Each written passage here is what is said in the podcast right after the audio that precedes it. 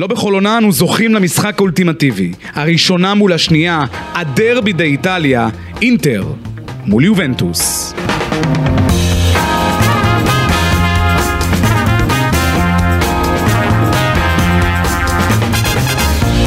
פודקאסט שיחת היום בחסות ווינר, יום ראשון, 9.45, 1-2, הדרבי דה איטליה עם כל הסיפורים, ההכנות, הניתוחים. ואורן קדוש, פרשננו לענייני איטליה, כאן איתנו. אורן, מה שלומך? מה שלומך שמוליק? אני מניח שאתה מתרגש. מאוד. כמוך. ברור. שמע, שתי קבוצות במקום הראשון והשני, קבוצות שהפסידו רק פעם אחת העונה, בקושי סופגות, קבוצות שבאמת מובילות את הטבלה בצדק, ויהיה לנו משחק באמת מרתק שאולי יכריע עונה שלמה. יושבים הרבה מאוד uh, uh, מאזינים, צופים, ורוצים לדעת נקודה אחת, הם שומעים אותך הרבה מאוד בתוכניות שלנו. יובנטוס רצה לאליפות, ועדיין, למה אתה שונא את אלגרי? שאלה מתבקשת. שונא את אלגרי? תשמע. לא אוהב בלשון המעטה. אני אלרגי לכדורגל של אלגרי, אבל אני אגיד לך למה. כי אולי הציפיות שלי מיובנטוס, כי איך שאני רואה את יובנטוס, אולי הן גבוהות מדי בשביל אלגרי. ככה אני רואה את זה, אני רואה את יובנטוס כקבוצה שצריכה להיות השולטת באיטליה, השולטת, אתה יודע מה, מהטופ 3-4 באירופה, קבוצה שצריכה באמת להיות, אה, לשחק כדורגל של הנעת כדור, של ליזום, של אה, עם שחקנים יצירתיים, ואתה רואה שכל שחקן שהיה קצת איכותי נגיד בתקופה של אלגרי, מצא את עצמו בחוץ מסיבה כזאת או אחרת. הרי לא יכול להיות שגם רונלדו, גם דיבלה, גם קולוספסקי, גם דליך, גם כל אלה לא מתאימים ליובה. כולם הרי, כן, כולם הרי התאימו בזמנם. אבל צריך גם להגן על אלגרי. רגע. שנייה, בהיבט הזה שאנחנו יודעים, אנחנו שומעים את הסיפורים של אה, אה, יובנטוס בשנים האחרונות, נכון שהם לא משחקים באירופה, ועדיין. אתה יודע מה, אני, אפתיע אותך ואני אומר, אני. לא בטוח אם מאמן אחר שהוא לא אלגרי, יובנטוס, כן, אתה תסתכל ככה, אבל ראינו שגם... אה, קודמיו נכשלו. תגיד לי, קודמיו נכשלו? סארי לקח אליפות פוטר. פירלו לקח גביע וצ'מפיונס והגיע לצ'מפיונס פוטר. אבל הוא לא הביא אליפות. ואלגרי הביא אליפויות בשנתיים האחרונות?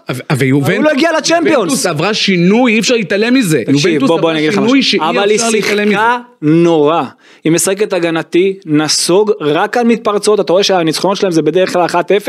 זה, שוב, זה לא משהו שאני מצפה מיובנטוס. כן, זה מזכיר את הכדורגל של שנות ה-90, הקטנצ'ו של פעם, זה פחות מתאים להיום, בטח שאתה רואה באיטליה, בשנים האחרונות, אתה רואה את אטלנטה, אתה רואה את נפולי, אתה רואה את מילאן, שמגיעות להישגים שהיא לא... כל אחת מן הקבוצות, אתה יודע, מבחינת התהילה והעילה שלהן, היא לא יובה הגדולה. אוקיי, ואתה רואה את מה ש... איך שיובה משחקת לעומתן, שהן הביאו אתה יודע, גם אליפויות, גם הגיעו לצ'מפיונס, בכדורגל אחר. אין סיבה שיובל לא תעשה את זה גם. אבל יש גם נקודות אה, אה חוזקה באפקטיביות של יובנטוס. חלק מהם לדוגמה, חלק מזה לדוגמה, זו ההגנה. אלגרי יודע, ואתה גם אומר את זה בשידורים שלך. נכון. אלגרי יודע לעשות, לאמן את הקבוצות שלו בהגנה, ואנחנו לא רואים זה. את זה, זו הגנת ברזל, זו יובנטוס ש, שלא הצליחו לעשות קודמה. הוא גם מעדיף את המקניק הזה באידיאל כשחקן או רביו כזה מאשר הדיבלות, שתמיד, זה, זה הסגנון שהוא מעדיף, את השחקנים שעובדים מאוד קשה, אפשר להעריך את זה, זה יכול להיות מאוד יעיל כשזה קורה נכון, אוקיי? אבל מצד שני, זה לא כדורגל מלהיב, זה לא כדורגל שאתה רוצה לראות מקבוצה שהיא רוצה לקחת סקודטו. סקודטו אתה רוצה לראות קבוצה שהיא באה ודומיננטית ושולטת והיא הכי טובה בכל ההיבטים, גם הגנתית וגם התקפית. אז כן, הוא קטלני במעברים שלו, מאוד קטלני, מאוד.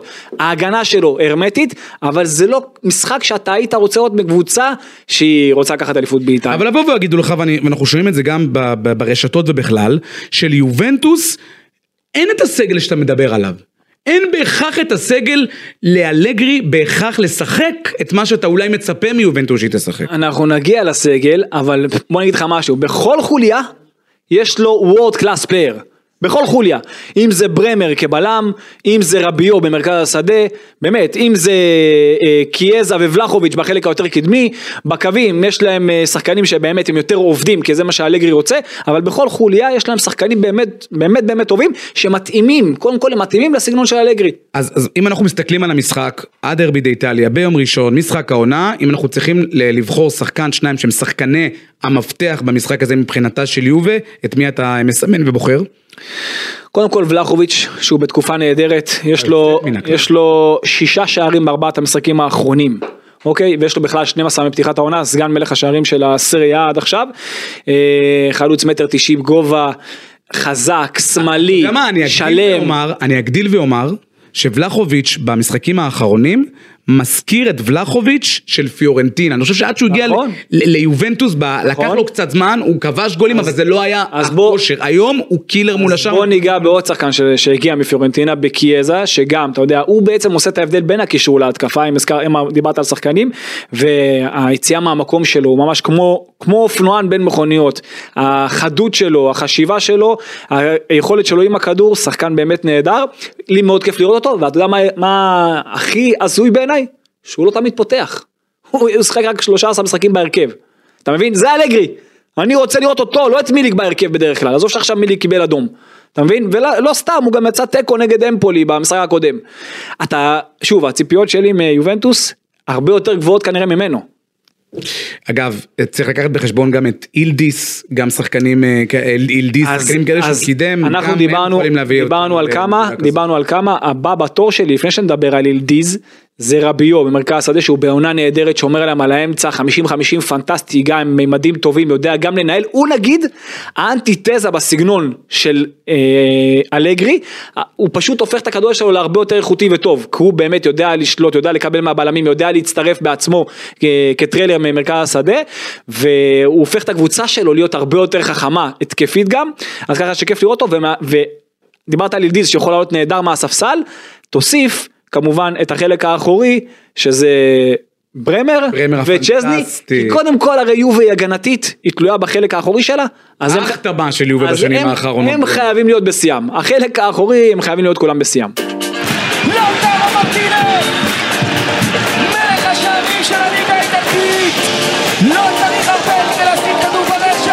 עונה משוגעת, ואי אפשר להתעלם ממנה, לאוטרו מרטינס. אני, אני רק, רוצה, רק רוצה להרים לך, 124 שערים בכל המסגרות, וזה נתון שאתה גם תאהב, הוא למעשה, אם במחזור הקודם היה לו 123 שערים, הוא השתווה לקריסטיאן ויארי האגדי, במקום התשיעי במלכי מלך השערים של אינטר, הוא עקף אותו, תתאר לי את לאוטרו מרטינס, את התופעה הארגנטינאית הזו, מטורף.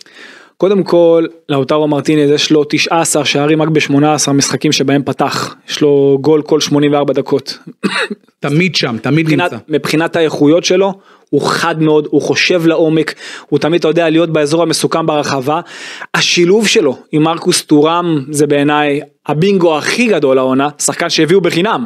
שחקן שהביאו בחינם, השילוב שלו באמת אה, אדיר איתו, ולאוטרו מרטינס תשמע הוא בעונת שיא וגם כל עונה המספרים שלו עולים, השאלה עד לאן זה יגיע, כל עונה שים לב בגול פר דקה, בגולים פר משחקים, תמיד הוא נותן יותר. ואתה יודע, הזכרת את טורם, אז אני אפילו אגדיל ואומר, זה לא רק טורם, כי אם אנחנו הולכים אחורה, היכולת שלו להשתלב עם שחקנים כמו אה, אה, אה, לוקקו בזמנו, היכולת שלו כמעט לשחק עם כל שחקן טוב לצידו, זו יכולת אה, אה, בלתי רגילה. זה לא רק נכון, טורם שהוא עשה אותו... ולא רק זה, גם אצל כל מיני סוגים של מאמנים, אם זה תחת קונטה, ואם זה תחת אינזאגי, זה אומנם אותו מערך, אבל הסגנון של קונטה הוא שונה, הוא גם של הנעת כדור, אתה יודע, הוא יודע לשלב, וגם בזה לאוטרו טוב, וגם אצל, אתה יודע, הוא קיבל את הקרדיט בהתחלה אצל ספלטי.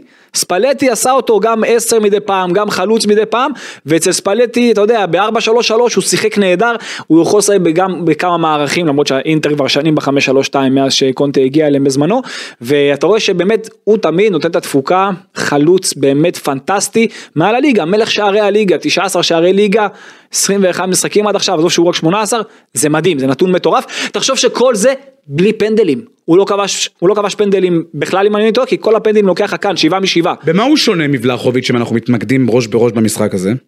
ולחוביץ' שהוא יותר, אתה יודע, חלוץ עם מימדים יותר גדולים, עם נוכחות יותר גדולה, אבל מבחינת הטכניקה והטיפול בכדור, אה, לאוטרו לוקח אותו, החדות שלו, היציאה מהמקום, ולחוביץ', משחק הראש שלו יותר טוב, לא של... לא של... אה, לא ראינו לא במשחק הקודם מול פיורנטינה, לא שער לא... בקצר, מכדור קרן. נכון, אבל זה לא שאתה יודע, אה, באינטר אין את זה, גם אינטר עושה את זה כמו שצריך, יש לו משחק ראש, יש לו משחק רגל טוב, הכל באמת, יש לו את כל האיכויות אה, לעשות אפילו עונה של 30 שערים בעונה, לאוטרו מרטינז.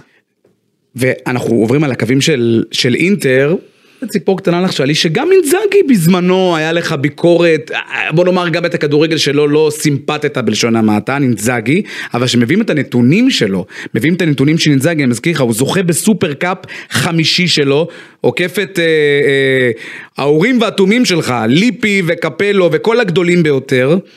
אה, אה, מצליח בצורה סדרתית במאני טיים במשחקי הגמר, בוא נוציא רגע את אה, גמר ליגת האלופות. מה באמת השינויים שעשה אינזאגי מהעונה שעברה, גם במאמן, כמאמן ובכלל? קודם כל היא השתפרה משמעותית מבחינה הגנתית, היא, יש לה את ההגנה הטובה בליגה, ספגה רק עשרה שערים, וזה שיפור משמעותי, שים לב בעונה הקודמת היא ספגה 42 שערים בכל העונה, בכל העונה, שזה אומר עכשיו 50% פחות מבחינת הספיגות, והעונה אה, עונה שעברה היא כבשה 71 שערים, עכשיו בחצי עונה כבר יש לה 50. שתבין איפה היא עומדת, תקדים. בעיניי הרבה מאוד זה בהקשר של טורם, אבל גם כמה דברים חשובים, הוא מצא את האיזון שלו באמצע, הוא לקח את הקאן עוד בשלהי העונה הקודמת לעמדה יותר אחורית כשש, את מחיטריאן שבעבר, אתה זוכר אותו ברומא כבר חשבו שהוא גמור והיה ווינגר או עשר, הזיז אותו גם לעמדה יותר אחורית כ-50-50 לצידו של ברלה. שני השח... אה, שלושת השחקנים הללו, ברלה, מחטיריאן והקאן עם מספרים אדירים, הקאן אם אני לא טועה עם תשעה שערים בפתיחת העונה, מחטיריאן עם שישה בישולים, דווקא ברלה עם פחות מספרים, אבל שנינו יודעים שהוא הקשר הכי איכותי באינטר, שתבין לבד מה זה אומר. הצמד החלוצים אמרנו בעצמנו, יש להם שני שחקני אגף, שזה להבדיל מבחינת היכולת ביובנטוס, שזה דימרקו ודמפריס. ששניהם שולטים בקו ברמה אבסולוטית הגנתית והתקפית, כל הרמה שלהם בצבע, ההצטרפות שלהם מהחלק היותר האחורי בצבע, והדבר שבעיניי הכי, הכי, אחד מהמשמעותיים, לא אגיד לך הכי משמעותי, שזה תמיד אחד משלושת הבלמים שלו, וזה בדרך כלל הסמלים מביניהם, אם זה הצ'רבי ודרך כלל זה בסטוני, תמיד יוצא קדימה. ואז הוא מייצר את העוד יתרון מספרי. אני שואל אותך, מה בלציו למשל, אני, אני, אני זוכר שממש לא חיברת את הכדורגל ואמרת הוא לא רוצה להחזיק את הכדור, נכון, והוא יוצא למתפרץ. הוא היה, הוא היה משחק באותו מערך, אותו סגנון של אה, מבחינה הגנתית, מבחינה התקפית, כמו אלגרי, שהיה משחק מאוד מאוד ישיר על צ'ירו אימובילה. אולי הוא הבין שבאינטר יש לו את האיכויות, הרבה יותר איכויות לעשות. גם שם היו לו איכויות נגד קבוצות, היית גם נגד קבוצות כמו ספל, הוא היה מתגונן ומחפש את המעברים. נכון. אוקיי? עכשיו אתה רואה אותו באינטר, הוא מאוד התקדם מבחינת הנעת הכדור, הוא גם תלוי ביכולת האישית של השחקנים שלו ולכן הוא לקח את הקאן, הוא הרוויח אותו בכמה היבטים. למה אמרתי שזה שיחוק שהוא הפך אותו לשש? כי הקאן הרי תמיד קיבל ביקורת, גם ממני, כשהוא שיחק כעשר. למה? כי הוא לא מביא באמת מספרים, תראה את המספרים שלו, זה לא... במילאן אנחנו... במילאן וגם באינטר בהתחלה. אוקיי, הוא היה משחק לפעמים גם שניים ואחד. וכשהוא היה משחק עם הקאן בעמדה יותר קדמית והוא לא היה מביא את המספרים, הוא לקח אותו עכשיו אחורה ועכשיו הוא לא תלוי מספרים וזה שחרר אותו. זה נותן לו אורך רוח והוא מנהל את המשחק נכון. הוא מייצר מספרים. והוא מייצר מספרים בעיקר בפנדלים, אבל פנדלים, גם לא בנייחים בק... וגם בקרנות מבחינת הסיסטים, והוא שולט במשחק יפה, הוא ממש תפס את המקום של ברוזוביץ' שהלך לסעודיה בצורה נהדרת, ואתה יודע, התזוזה של כל שחקן לעמדה הנוחה שלו, זה דבר שלא כל מאמן יודע לעשות, כמו מה שאמרנו גם על מחיטריאן, חוץ מהקאן, גם את זה הוא עשה. והאמצע שלו נהדר, החוד שלו נהדר, הוא באמת מבחינת העמדות הוא עושה את זה יפה, והוא גם משתדרג בעצמו מבחינת הנעת כדור, הוא יודע לייצר את היתרון המספרי, כל הקטע בהנעת כדור זה ריווח המשחק, ותמיד יש לו שני שחקנים שתומכים בכל אגף, ובאמצע יש לו כבר רביעיית אמצע, תמיד אחד הבלמים יוצא קדימה, את זה הוא לקח מגספריני שהיה עושה את זה באטלנטה, אז תמיד אתה רואה את הבלם הזה שיוצא ואז תמיד יש רביעייה מול שלושה בדרך כלל מהקבוצה שמנגד. מה, מה הסוד אה, של אינטר לקראת המשחק אה, מול יובנטוס? בכלל בעונה הזו, שאנחנו רואים אותה מצליחה גם בסופר קופה, גם ב, ב, ב, בכל התחומים, יש עילה, אנחנו רואים אותה גם שנה שעברה בליגת האלופות, מה באמת הופך את אינטר לקבוצה שהיא באמת גם מהנה, דיברת על הכמות שערים שהיא כבשה, מהנה לצפייה. מנית כאן את הכל, את המאמן, את השחקנים, אבל אתה צריך להצביע על באמת, איך אומרים, אלוהים נמצא בפרטים הקטנים. הסוד, המשהו שעושה את אינטר, עושה את ההבדל. אז דיברנו על הפרטים הקטנים ממש עכשיו, כל הפרטים הקטנים זה היה שם. אחד. הכי משמעותי בעיניי השילוב של לאוטרו מרטינס וטורם זה בעיניי הכי משחק תפקיד בעונה הזאת. משחק העונה דרבי באיטליה, אחד המשחקים של הכדורגל האיטלקי. נדבר על המשמעות של הדרבי דה איטליה, אה, באופן כללי כמשחק שללא ספק אחד המשחקים שתמיד כיף לצפות בהם, אגב לא משנה מצב הקבוצות בטבלה, אבל הפעם הזו אורן, יש לזה משמעות אחרת. אמרנו בפתיחת אה, הפודקאסט, המשחק שבאמת הוא האולטימטיבי. הראשונה מול השנייה, בדרבי דה איטליה, הרבה מאוד זמן לא, לא הייתה הכרעה גם בסיבוב הראשון. אה, לא ראינו גם הרבה משחקי עונה שהם צמודים, בטח בשתי קבוצות כאלו גדולות. נכון, תשמע, ששתי הקבוצות הראשונות וגם בדרבי דה איטליה נפגשות יחד, אז זה באמת, יש פה עניין רציני סביב המשחק הזה, ואינטר, אל תשכח שיש לה משחק אה, ביד.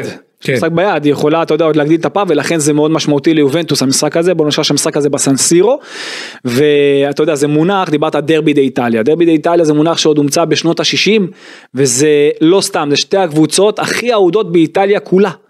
בדרך כלל, אתה יודע, יובנטוס דרך אגב, אתה יודע, מי שמכיר, יש להם יותר אוהדים באיטליה מאשר בטורינו עצמה. בטורינו מעדיפים, יש הרבה יותר אוהדים לטורינו מאשר ליובנטוס. נכון. אבל באיטליה נכון. כולה יש המון אוהדים, יש הכי הרבה אוהדים ליובנטוס, ואינטר, לאורך השנים, או בשנות ה-60 בעיקר, זה הדרבי, אפילו שהייתה את מילאן הגדולה בשנות ה-90 ואחר כך, זה... אז עדיין, הדרבי באיטליה תמיד, זה אינטר מול יובנטוס, זה תמיד אתה צריך לבחור את הצד, זאת אומרת, אתה יודע, זה האוהד המצוי, הניטרלי, הוא, אם הוא לא אוהד יובנטוס, אז הוא, הוא ילך לצד של אינטר, כי אתה יודע, צריך, יובה היא קבוצה שכמו, אני אתן לך דוגמה בארץ שלנו, מכבי תל אביב כזאת, אם אתה לא אוהד אותה, אז כנראה שאתה ממש אנטי שלה.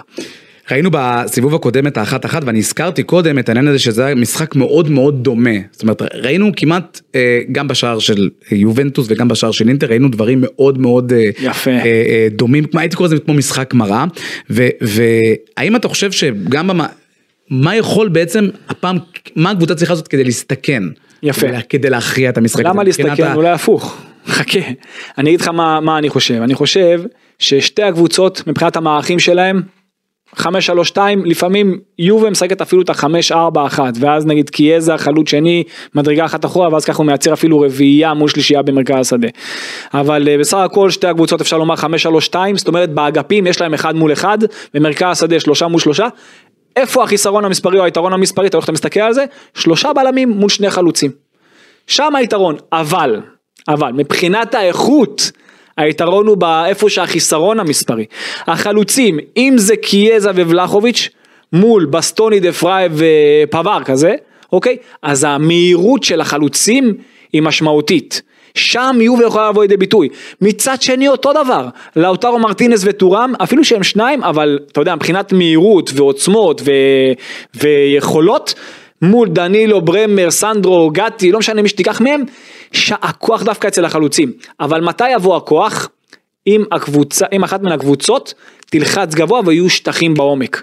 כך גם באו שני השערים במשחק הקודם, אתה זוכר? כל אחד בתורה. כל אחד בתורה, מצאה את, את הקצת שטח שהיה בין קו הגנה לשוער שלה, זה גם היו, זה, יצרה את העומק. היו גולים מאוד מאוד דומים. מאוד דומים, מאוד זהים, מי שרוצה שילך יראה את זה, ממש שערים שהם מזכירים אחד את השני, ולכן, קבוצה שתלחץ גבוה, זה יבוא בעוכריה, אני אומר לך את זה לא מעט בשידורים לא שלנו. לא הזכרת. קבוצה שתחזיק בכדור, שתחזיק בכדור מה יקרה, היא גם תצא קדימה, גם זה יכול לבוא בעוכריה. קבוצות כאלה, במשחק הזה, דווקא מי שתצליח לייצר יותר מעברים, יותר משחק עומק, ולהוציא את הקבוצה השנייה קדימה ולתת לה את התחושה שהיא טובה, דווקא הקבוצה הזאת שתעמוד נכון הגנתית, היא זאת שיכולה לנצח את המשחק בזכות היכולת הטובה של החלק הקדמי. לא, לא הזכרת עמדה שאותי באופן אישי תמיד, העמדה הזו מעניינת, עמדת השוער. כן. אז שלי אנחנו מכירים ויודעים וראינו אותו גם במונדיאל. אתה אוהב את הפולנים. אבל עושה רושם. יש לך קטע עם פולנים. אני נכון? מאוד אוהב פולנים וגם את השוערים הפולנים, הם מצוינים, סקורובסקי ועוד, תלכו לראות ותבדקו. אבל אני חושב שצריך להחמיא לאינטר גם בעמדת השוער ובעמדת זומר. להביא את זומר מביירין מינכן, שוער שוויצרי, שהוא לא צעיר, אבל הוא מעבר לעובדה שכמו שציינת גם בתחילת הדברים, שהוא גם ספגו מעט מאוד אה, אינטר. איך אתה רואה אגב את המצ'אפ הזה בין השוערים, אני חושב ששני מצוינים, אבל אתה רואה שם הבדל מסוים אה, ביניהם בכלל? כן. קודם כל, אה, איך שאני רואה את זה, שניהם שוערים אדירים, שניהם שוערים מצוינים, אבל סומר מבחינתי הוא שוער שיותר טוב על הקרקע, אוקיי? בגובה הוא גם לוקה, לו... ראינו את זה מול פיורנטינה. ראית את זה גם מול פיורנטינה וראית את זה מול לא מעט קבוצות. אוקיי, הוא לוקח לאורך השנים, לא מהיום. בשונה משצ'זני. בשונה משצ'זני. גם לצ'זני יש את הפלטות שלו, אבל גם כן זה קורה כמו שקרה לו נגד ססואלו, גם ככה הם הפסידו 4-2, גם ככה הם היו נכון. מפסידים, אבל מאז, אתה יודע, זה 19 משחקים שיובה לא מפסידה וניצחו 15 ב-19 המשחקים האחרונים וגם ב-11 מהם היא לא ספגה שער תבין מה זה אומר על צ'זני. אגב, אגב אני חייב להגיד לך משהו על צ'זני שדיברנו קודם על אלגרי אני חושב שתחת אלגרי צ'זני חזר לימיו הגדולים קודם כי ראינו עונות מאוד מאוד בינוניות מצ'זני שאפילו דיברו על זה שצריך להחליף שוער ביובנטוס. צ'זני הוא underrated. הוא underrated, הרבה מאוד אנשים, אתה יודע, מחפשים איך לא לאהוב אותו, איך להאשים אותו, הוא בעיניי שוער מצוין לכל שוער, גם לבופון, היו לו את הקטעים שלו מדי פעם, עזוב שהוא היה שוער מהגדולים בהיסטוריה, שוב, לא להשוות בין השניים, אבל צ'זני הוא באמת שוער מצוין, הוא גם מביא לא מעט נקודות ליובנטוס, הוא מביא נקודות לקבוצה הזאת ברגעים מכריעים, וההשפעה של צ'זני על יובנטוס היא הרבה יותר גדולה מההשפעה של סומר על אינטר. אוקיי? כי אינטר הגנתית כקבוצה מהחלק האחורי שלה ועד הקדמי שלה, היא עושה לה דברים, אתה יודע, בצורה יותר טובה מיובה. אבל אה, מבחינת השוערים מי יותר טוב, אתה יודע מה אני חושב, אמרתי את זה גם קודם. ואת אה, את אה, סומר הם יצטרכו לבחון, מבחינת משחק הגובה, על טורם, כן. תראה, אמרנו, על, הראשונה, על הראשונה, הראשונה מול השנייה, ודיברת על המשחק החסר, המשחק הזה מאוד מאוד משמעותי, כי הוא יוכל בעצם להוציא הפסד של אחת מהם, יכול להכניס פה גם אולי עניין של משבר ונקודת שבירה בין שתי קבוצות שצריך לומר בלתי ניתנות לעצירה עם הפסד אחד לכל מועדון אה, אה, העונה הזו. אה, מי תתקשה להתאושש אם תפסיד מהמשחק הזה? יובנטוס. יובנטוס חד משמעית. כי קודם כל אמרתי, אינטר יש לה משחק ביד, גם מבחינת כל העונה, מבחינת היכולת שלה, היא נראית הרבה יותר, הרבה יותר טוב, אתה רואה את כמות השערים שהיא כובשת, את המשחק ההגנה שלה, מבחינת כל המכלול, אינטר קבוצה יותר איכותית. בוא, בוא נגיד את האמת, חומר שחקנים, אינטר קבוצה יותר טובה מיובה, בדרגה אחת לפחות, לפחות. אוקיי, אבל מבחינת מה שהמספרים של יובה, זה גם אי אפשר להתווכח עם זה, וזה גם הרבה קורה גם בגלל ש... לוח המשחקים שלה, וגם אין עליה לחץ. לא רק שאין עליה לחץ, תמיד על יובה יש לחץ. אתה לא יכול... לא, אבל אין עליה, אני לא יודע כמה יש לה לחץ. שיובה משחק, צריך לגעת בזה, שנייה, שנייה, תמיד יש, יש לחץ לא, ביובנטוס. אבל, אבל, אבל, אבל כן מדברים על זה שהוא מוציא מים מן הסלע. זה שאלגרי מנמיך ציפיות ואומר אנחנו רוצים צ'מפיונס, אני לא אוכל את זה. יובנטוס תמיד רוצה סקודטו. כל עונה שהיא לא מתמודדת על התואר, על האליפות, על הסקודטו, זה קשקוש בלבוש בעיניי. אתה זוכר את השנתיים הרעות. יובה מבחינת חומר שחקנים אני מסכים, פחות טובה מאינטר, אבל עדיין תמיד תשאף לאליפות, לא משנה מי יהיה שם. אוקיי, לא משנה, גם בתקופה של מילאן הגדולה עם ון בסטן ורייקרד ואחרים, בתקופה, היו ביובנטוס שחקנים אחרים כמו דשאה ובאג'ו וזה, רצו אליפות, עזוב שזה לא יכל לקרות, כי מילאן הייתה באמת אדירה, אבל תמיד ביובה רוצים סקודטו, לא יעזור, יובה שואפת לאליפות, אבל אני חייב לומר עוד משהו בנושא שלה. אל תשכח שיובה, אם אנחנו מסתכלים גם קדימה, יש לה משחק בשבוע בדרך כלל. אוקיי, יש לה משחק בשבוע. אירופה. אין, אין לה אירופה. אין להם משחקים באירופה, זה זה משמעותי מאוד, אתה רואה גם מה זה עושה נגיד לליברפול באנגליה, או לג'ירונה בספרד, קבוצה שאין לה אירופה ויותר פרש כל משחק, ויש לה זמן יותר להתכונן, ויותר שמה דגש על הדברים הקטנים, שדרך אגב גם צריך לדבר על הנייחים, שגם שם יכול להיות מוכרע המשחק, אז אתה מבין שיובה תבוא קצת יותר פרש לאורך כל העונה, לא רק במשחק הזה, אינטר מבחינת האיכויות זה רמה מעל. תן לנו תוצאה, הגענו לשלב האהוב. תיקו עם שערים. תיקו עם שערים, אז אלגרי, לא אלגרי, מתנגח, אז... הוא יסגור יפה. אני, דרך אגב, אותי שכנעת. אותי שכנעת חד משמעית ללכת עם אינטר, אני הולך במשחק הזה עם ניצחון של אינטר בסן סירו, אולי זה יעשה קצת פחות עניין לליגה, בסופו של דבר, אבל אני הולך עם אינטר. טוב, אז אנחנו מתכוננים, אנחנו נצפה, 9.45, יום ראשון, 1-2, הדרבי דה איטליה, אורן. חובה צפייה, חובה. היה תענוג גם לשמוע דבריך. תודה רבה שמוני.